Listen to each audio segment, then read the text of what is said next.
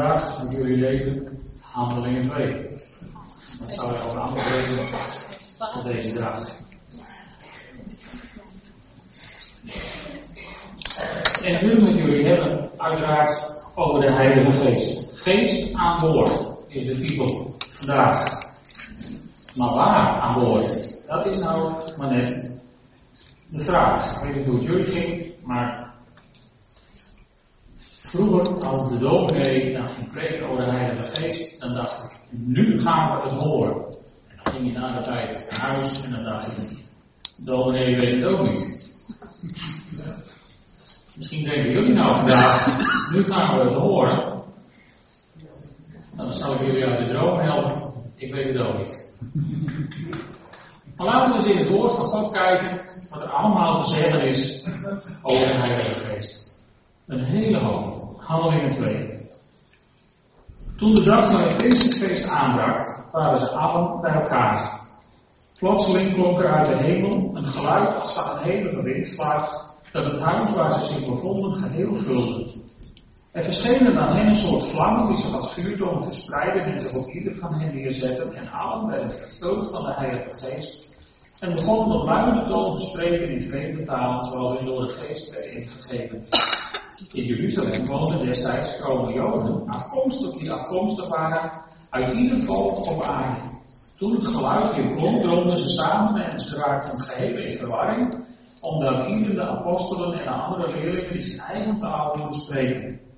Ze waren echter, ze waren buiten zichzelf van verbazing. En zeiden, het zijn toch allemaal Galileërs die daar spreken.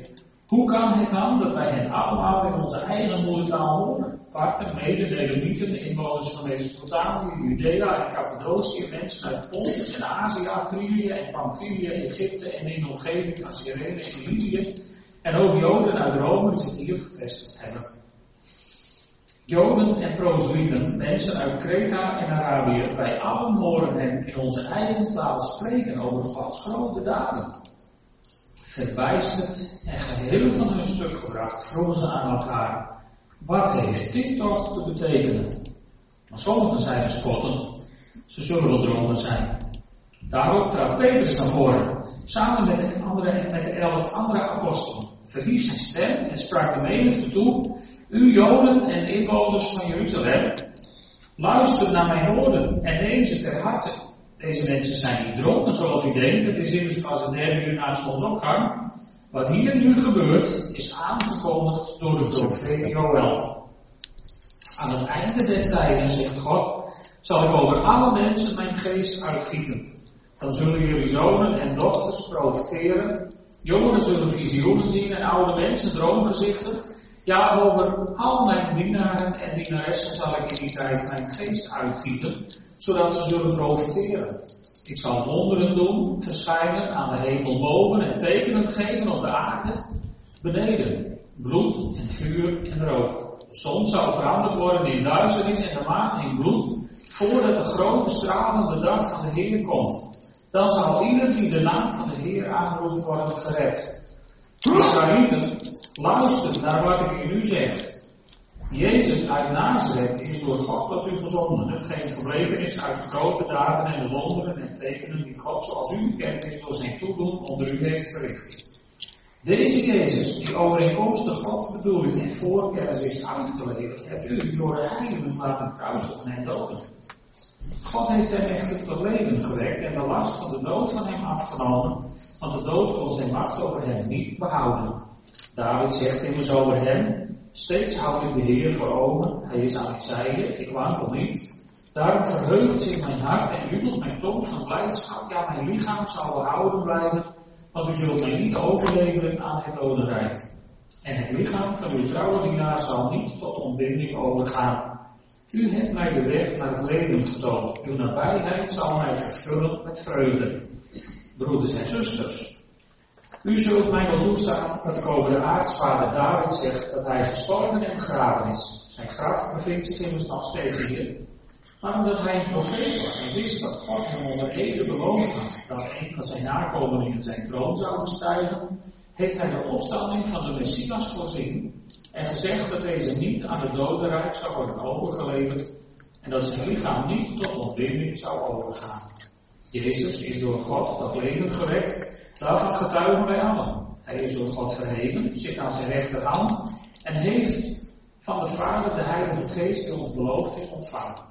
De Geest, die Geest heeft Hij op ons doen neerdalen en dat is wat u ziet en hoort. David is weliswaar niet naar de hemel opgestegen, maar toch zegt hij, de Heer sprak tot mijn Heer, neem plaats aan mijn rechterhand, tot ik je vijanden onder je voeten heb gelegd. Laat het hele volk van Israël er daarom zeker van zijn dat Jezus, die u gekruisigd hebt, door God tot Heer en Messias is aangesteld. Toen ze dit hoorden, waren ze diep getroffen en vroegen aan Petrus en de andere apostelen, wat moeten we doen, broeders? Petrus antwoordde, keer u af van uw huidige leven en laat u dopen onder de aanroeping van Jezus Christus, om vergeving te krijgen voor uw zonden. Dan zal de Heilige Geest u geschonken worden, want voor u geldt deze belofte evenals voor uw kinderen en voor allen die verwekt zijn en die de Heer onze God op zich zal roepen. Ook op nog andere wijze legde hij getuigenis af. Waarbij hij een dringend beroep op zijn toehoorders deed met de woorden, laat u redden uit dit verdorven mensengeslacht. Degene die zijn woorden aanvaarden, lieten zich dopen. Op die dag breidde het aantal leerlingen zich uit met ongeveer 3000.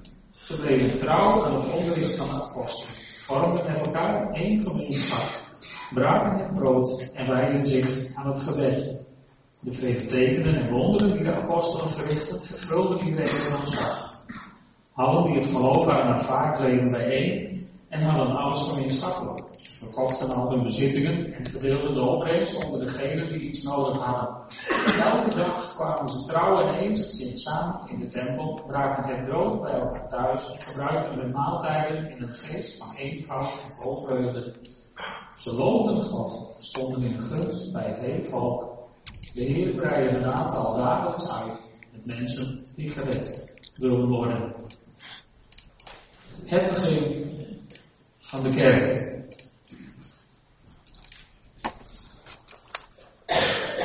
Er zijn verschillende visies over het ontvangen van de Heilige Geest. Er zijn mensen die denken dat het moet zoals in handelingen. En die komen dan uiteindelijk tot de conclusie, luister eens, als je niet in tongen spreekt, heb je de Heilige Geest niet ontvangen. De wind en de vlammen worden daarbij vaak gemakshalve vergeten. Er zijn ook mensen die denken dat je de Heilige Geest ontvangt bij je bekering en dat je daar verder niks aan hoeft te merken. Er zijn ook mensen die denken dat je de Heilige Geest automatisch ontvangt bij de doop. En vooral de kinderdopende kerken geloven dat. En dan zijn er ook nog mensen die denken dat die zogenaamde doop in de Heilige Geest een aparte ervaring is. En dat je gelovigen hebt die de geest niet hebben en die de geest wel hebben. Of, zoals ik al eerder heb opgemerkt, wel en niet wedergeboren christenen. De geest als kwaliteitscriterium dus. En wie heeft er nu gelijk? Of hebben we misschien allemaal een stukje van de legpuzzel, zoals we zo vaak zeggen?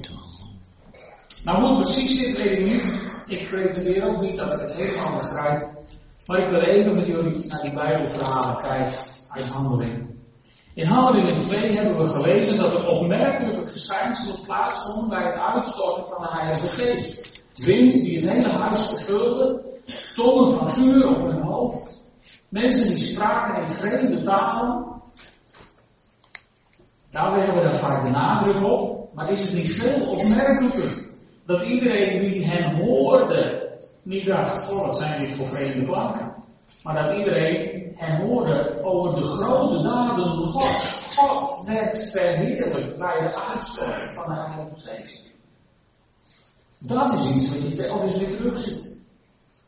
En dat ze, dat ze ontzettend van elkaar hielden, dat het een gemeenschap was die voor elkaar zorgde en naar elkaar omkeek. Dat is ook iets wat je telkens terugziet als de Heilige Geest in beeld komt. Maar een storm in de tent, tongen van vuur, dat kom je maar één keer tegen. Eenmalig is het. En het is ook de enige keer in de Bijbel waar je leest dat mensen bij de vervulling van de Heilige Geest allemaal in vreemde talen spraken. Met andere woorden, dit is niet de norm. Want het komt maar één keer voor in de Bijbel. In Handelingen 8, dan lezen we over de bekering van Samaria. Er komen heel veel mensen tot bekering in Samaria. Ze komen tot geloof. En er komen geweldige verhalen in Jeruzalem. En dan sturen ze de apostelen erheen om eens te kijken hoe dat zit. Ja, dit was voor het eerst. Niet Joden tot bekering komen. Hè. Dit, was, ja, dit was het begin van in Jeruzalem, in Samaria en hele Judea tot het einde van de wereld. Hier begon het al. En dan sturen ze de apostelen er naartoe en die stellen vast dat ze de Heilige Geest niet hebben ontvangen. Ik vraag me tot de dag van vandaag af hoe ze dat deden. Maar dat omschrijft de Bijbel niet. Wat de Bijbel wel omschrijft is dat de apostelen hen de handen oplegden en onder de hand kregen voor hen water en zij ontvingen de Heilige Geest. Dat was kennelijk merkbaar. Maar, maar de Bijbel heeft het niet over wind en vuur en tongen. De Bijbel die geeft geen enkele aanwijzing wat de apostelen zagen. is de neiging natuurlijk heel, heel groot om, om te zeggen, nou, vullen wij dat wel in vanuit onze theologie. Maar ja, de Bijbel is geen invulboek. Zo werkt het volgens mij niet. Maar er gebeurt iets merkbaars, iets bijzonders. Dus het moet kennelijk aan iemand te merken zijn dat iemand tot geloof is gekomen en de Heilige Geest heeft ontvangen. Alhoewel in het volgende verhaal, dan lezen we het verhaal van Filippus en de kamerling. En daar lezen we helemaal niks over de vervulling van de Heilige Geest. Dan lezen we alleen maar dat die kamerling een stukje leest uit het Oude Testament en dat Filippus op Jezus verkondigt op grond van dat stukje. En dat die kamerling water ziet en zegt, wat is het tegen dat ik gedoopt word? En Filippus zegt, nou als je gelooft dat Jezus Christus de Zoon van God is, dan is er niks op tegen en plons in de eerste de wet gesloten is er tegenkomen, wordt hij gedoopt. Niks. Oh, Heilige Geest, er reist ook geen apostel achteraan, het kijken of het goed was of zo. Helemaal niks. Helemaal niks. In Handelingen 9, dan lezen we over de bekering van Saulus. Zijn bekering. Ja, daar weten we niet zoveel van, hè. Want, want werd hij nou bekeerd op het moment dat God hem van zijn paard schoof? Nee, dat denk ik niet. Dat gebeurde ergens later, toen hij, toen hij blind ergens zat na te denken over wat hem was overkomen. Heeft hij ergens een ontmoeting met Jezus gehad. En dan komt die profeet, die legt de handen op, de vallen van zijn ogen. En hij wordt gedoopt. En dat is het. Daar gaat Paulus. En vervolgens schrijft hij drie kwart van het Nieuwe Testament en leest niks over wind en vuur en tongen en whatever. Ook geen apostel die komt kijken van heeft hij de Heilige Geest ontvangen op een of andere manier. Worden we volledig in het ongewisse gelaten hoe het eruit zag. En alsof dat allemaal nog niet erg genoeg is, lezen we dan in handelingen 10 van die Romeinse hoofdman met zijn hele familie en die ontvangen ineens wel helemaal zichtbaar de Heilige Geest. En zijn ineens gedoopt. Die hebben zich nog niet eens openbaar uitgesproken voor bekering. En zeggen, ik neem Jezus uit mijn hart. En dat hadden ze allemaal nog niet gezegd. Goed, dus als je het nu nog begrijpt.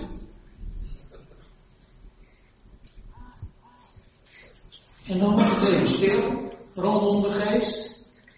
Tot we in handelingen 19 merken dat Paulus in Efeze komt. En die ontmoet daar een aantal mensen die ook bij de gemeente horen. Paulus, hebben jullie de Heilige Geest ontvangen toen je tot bekering kwam? En die mensen zeggen, Heilige Geest, Heilige nooit van. Nooit van gehoord. Want ja, die zijn, iemand heeft hen het verhaal van Johannes de verteld. En op grond daarvan zijn ze tot bekering gekomen en hebben ze zich laten dopen. Maar goed, Paulus zegt, nou, was niet helemaal goed, dus die legt ze het evangelie uit, vertelt ze over de Heilige Geest en doopt hen vervolgens zonder enig theologisch probleem. Gewoon opnieuw. Ook een hele interessante.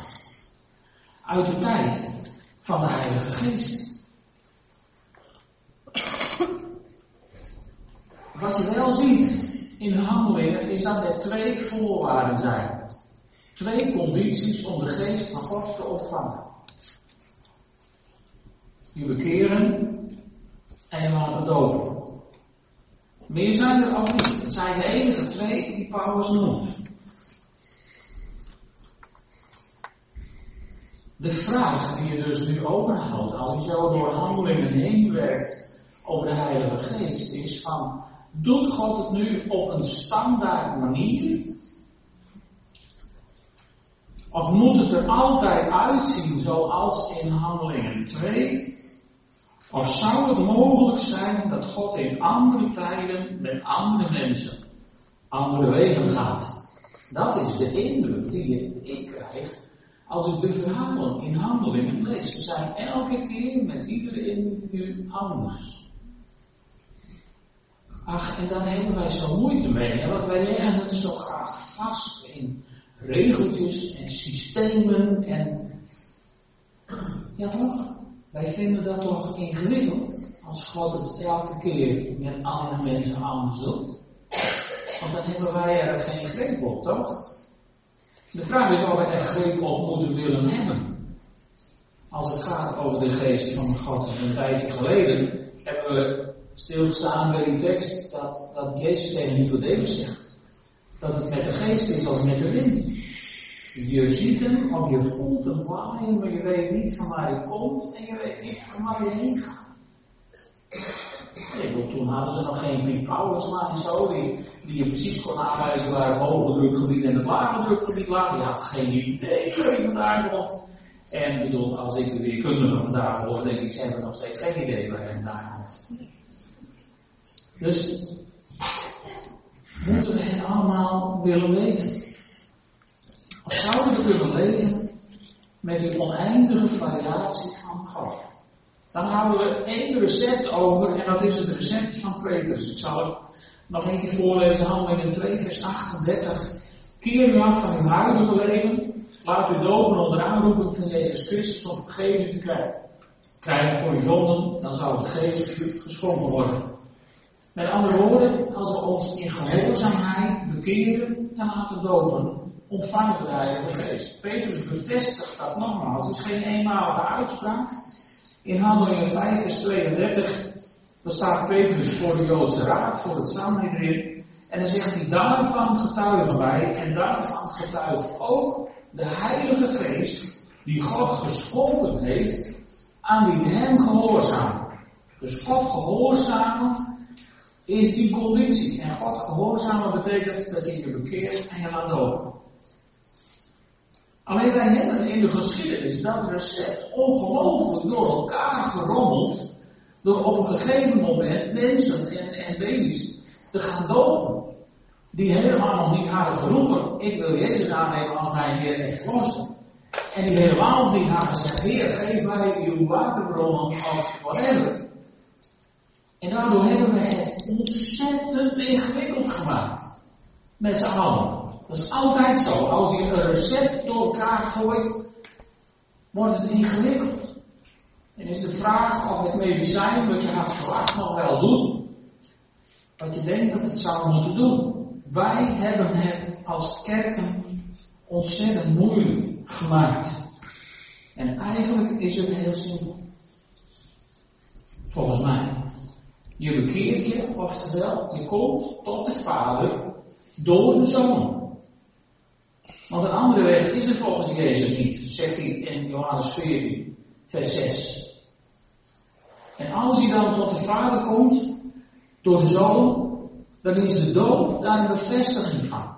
En hoe het werkt in mensen die, die zeg maar de doop overslaan omdat ze het goed genoeg vonden dat ze als baby gedoopt zijn, of, of ongewoon omdat ze hier niet durven staan, of, of bedenk maar redenen. Ik heb zo van meer redenen gehoord om, om je niet te laten dopen, dan om je wel te laten dopen. Want het is maar één, gewoon gehoorzaamheid aan Jezus Christus. En, hoe het werkt als je dat overslaat, dat weet ik niet. Maar als we ons hebben laten dopen in gehoorzaamheid, stuurt de Vader ons namens de Zoon, de Heilige Geest. Bevestigt Jezus in Johannes 4, vers 36. En volgens mij zijn deze stappen, bekering, doop en Heilige Geest ontvangen, onlosmakelijk aan elkaar verbonden. Wij geloven in de kerk, in de drie-eenheid, Vader, Geest en Zoon. En vervolgens gaan we beweren dat je bij de Vader kunt horen zonder in de Zoon te geloven. Die zijn er in, in, in de kerk.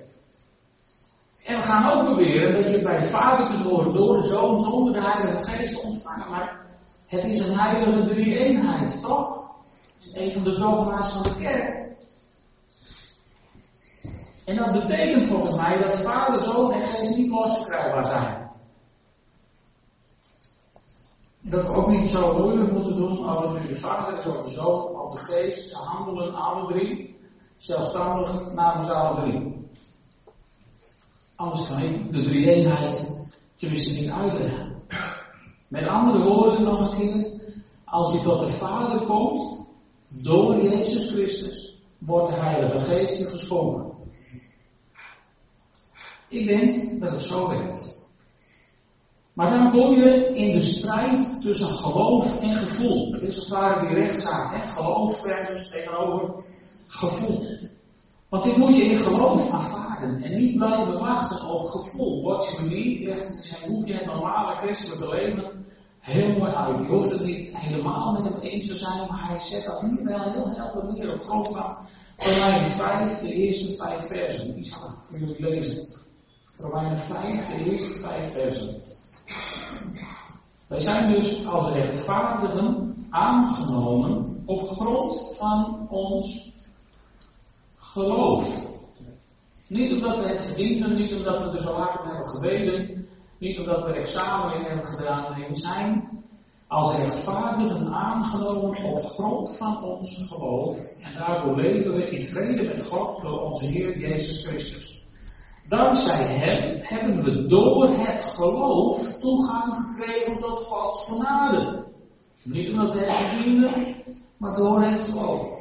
Die ons fundament is. Dat fundament is dus Gods genade Jezus Christus.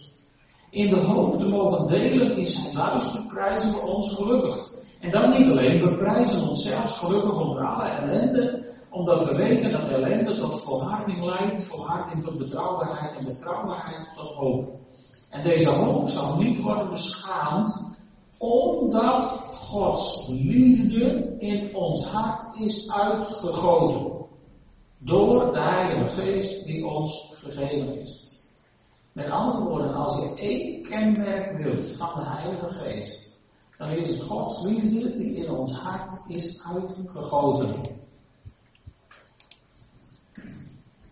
En God vraagt om dat te openbaren en om je dat duidelijk te maken, dat is, is beter dan eindeloos wachten op een ervaring. Ik ben vroeger uit de gereformeerde kerk meer in de Pinksterbeweging terechtgekomen. En daar, daar geloofden we heilig dat er een tweede ervaring moest zijn. Second blessing. Je kwam tot geloof en dan kwam het erop aan of je de Heilige Geest ontving. En toen waren we een keer op een conferentie op de bron. En dan moest er uh, iedereen voor iedereen binnen. En daar kwam een mevrouw bij en die huilde dat zo hard verscheuren. Ze zei, ik ben al zo lang christen, ze was al veel langer christen dan ik. En er is al zo vaak voor me gebeden of God mij de Heilige Geest wil geven. En hij doet het niet. En toen dacht ik, hier klopt iets niet in deze theorie.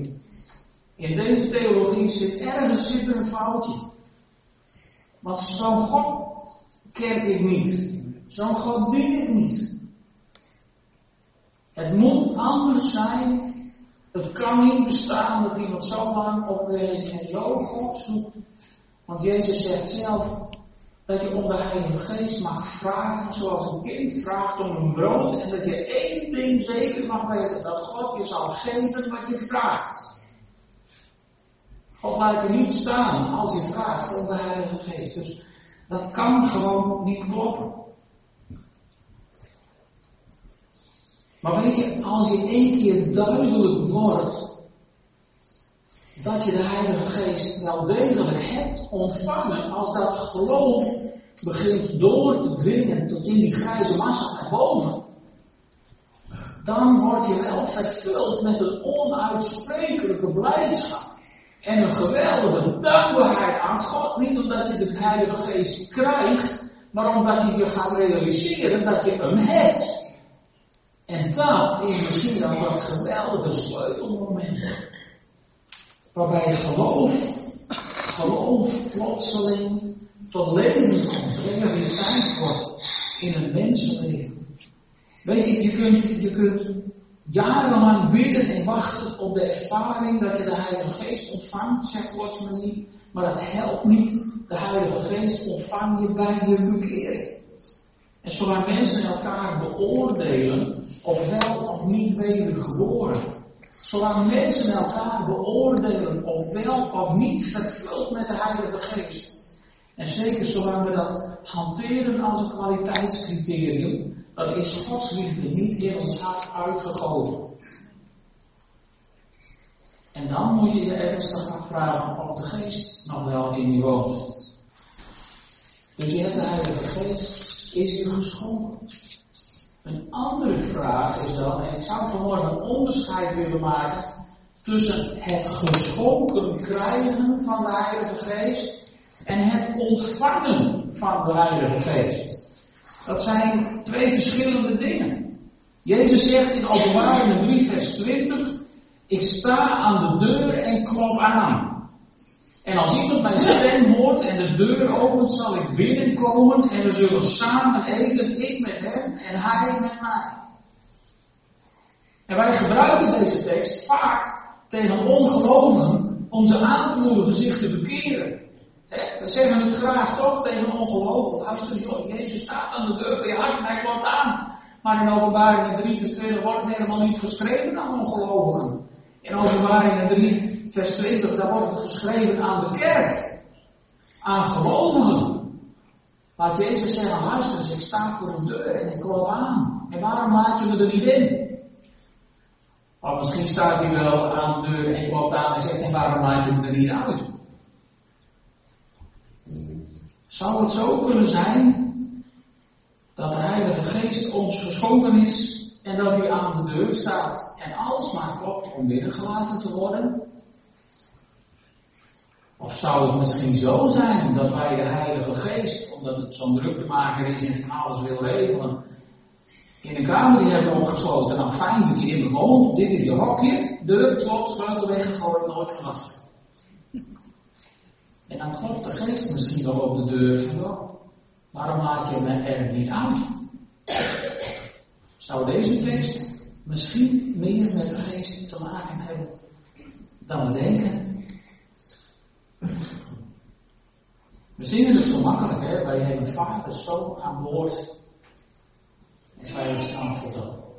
Nou, we gaan nog niet naar het strand, misschien vanmiddag. Maar wij hebben vader, zoon aan boord. En hij heet Heilige Geest. Maar de vraag is welke positie heeft hij bij ons aan boord? Zit hij als verstekeling ergens opgesloten? Of is het inderdaad de loods die naast de kapitein staat op het schip om aanwijzingen te geven waar het heen moet? Welke plek heeft hij, geest van God, in jouw leven? Om het maar even persoonlijk te maken. Weet je, het Griekse werkwoord ontvangen, lambano, daar heb ik ook wel dat betekent dat je heel actief iets in ontvangst neemt. Stel je voor dat iemand mij hier een pakje komt brengen. En ik zeg van nou joh, ik ben met de preek bezig, dat zie je toch, zet de even neer, ik, ik kijk vanavond volledig. Zo doen wij vaak met de Heilige Geest. Maar ontvangen, het Griekse werkwoord dat hier gebruikt wordt, dat betekent dat als iemand je een pakje komt brengen waar de geest van God in zit, is dat je dat met hart en ziel omarmt en, en uitpakt zoals mijn kleinkinderen van twee en drie een cadeautje uitpakken. Dan moet je niet denken, nou dat papiertje kan even nog wel een keer gebruiken, want dat is kansloos missie. Dat wordt met vuur wordt dat uitgepakt. En dat wordt zich toegeëigend. En dan mag zeker op je verjaardag je broertje en je zusje niet meer spelen, want dat is van mij. ontvangen wij zo de Heilige Geest. Hij is van mij. Die geest van God, die woont in mij. En dat laat ik me door niets en door niemand meer uitnemen.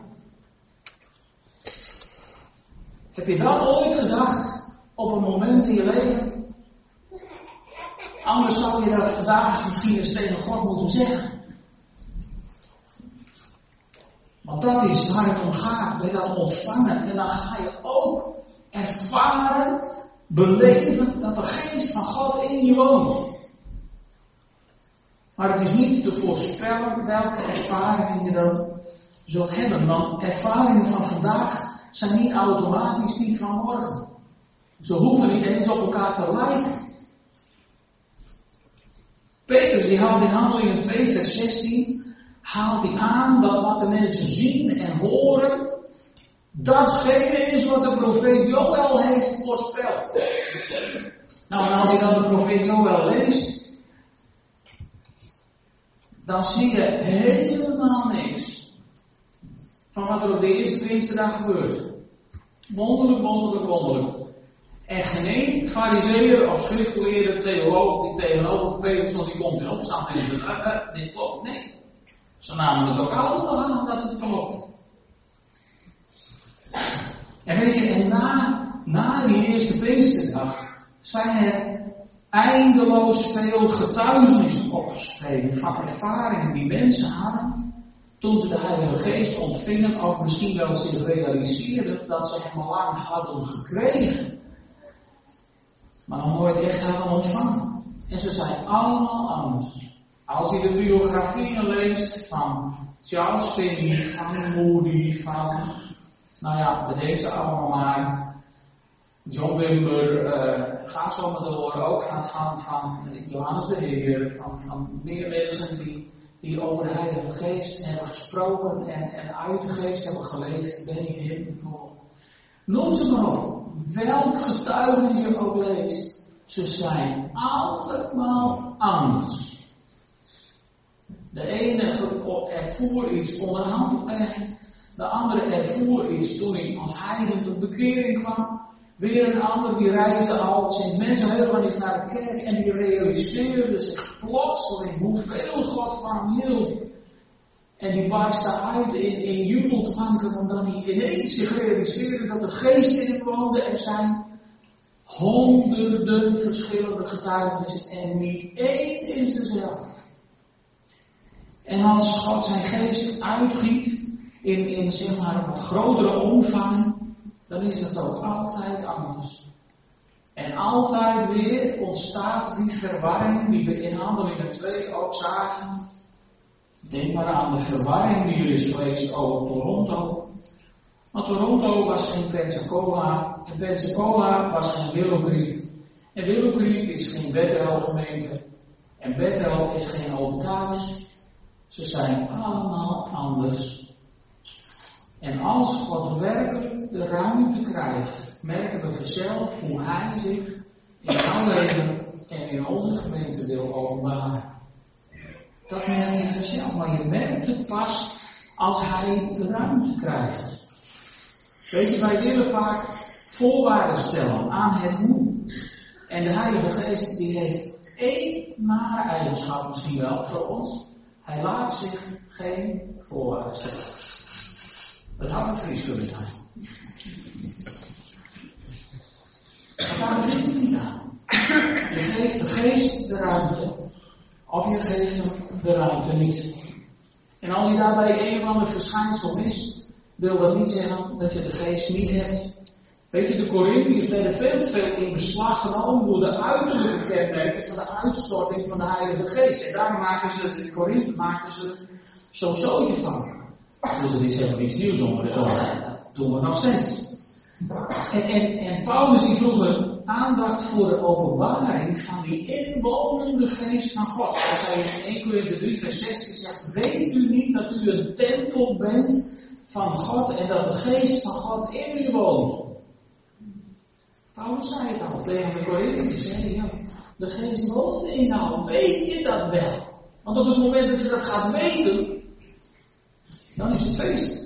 Het gaat dan dus, daarmee hebben we dus een schat in aarde vaten, zegt Watchmanie. En de kracht van die inwonende geest is onbegrensd. Wij kunnen dus bergen verzetten. Is dat niet mooi? Het heeft dus met overgave te maken. Wel of geen overwinningsleden, lijden, dat kan niet in verband gebracht worden met wel of niet het, het inwonend hebben van de Heilige Geest. Het gaat veel meer om volledige overgave. In 1 Corinthië 6, vers 19, dan zegt Paulus nog een keer tegen die Corinthiërs, en dan gaat het over, over je lichaam. Of weet u niet dat uw lichaam een tempel is van de Heilige Geest die in u woont, en die u ontvangen hebt van God. En weet u niet dat u niet van uzelf bent? Ah, dat is een raar zinnetje. U bent gekocht en betaald, dus bewijst God eer met uw lichaam. Mooi hè?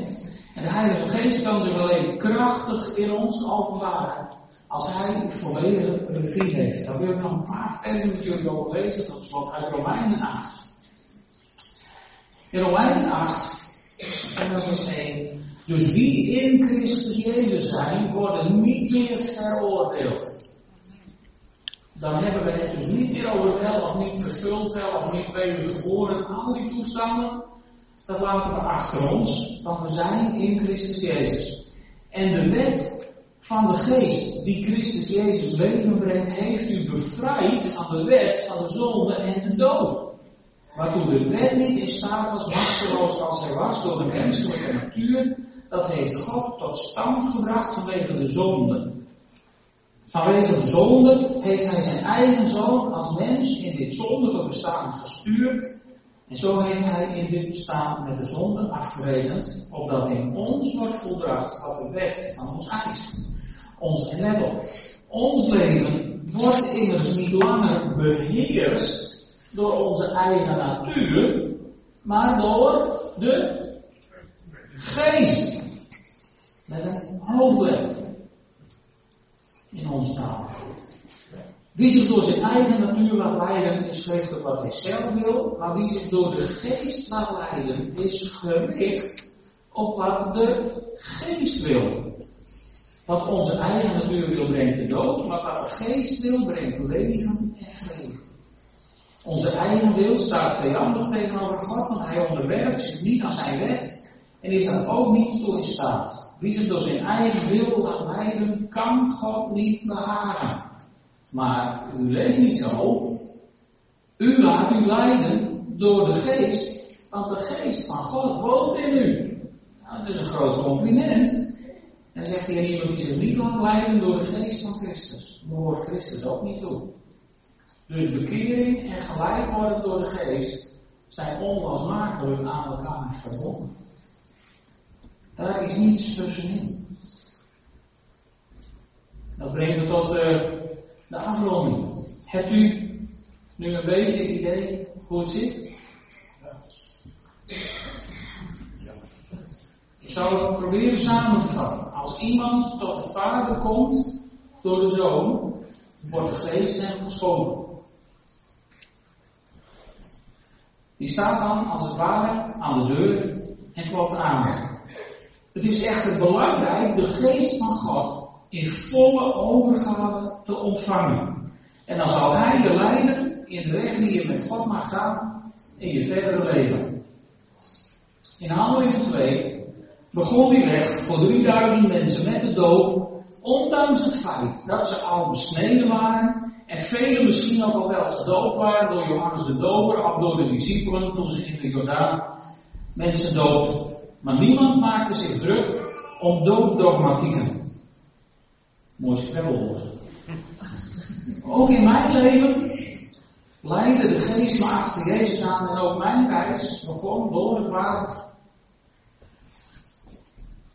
En jij? Of u? Mag de geest u leiden? Wordt het dan misschien geen tijd voor een wasbeurt?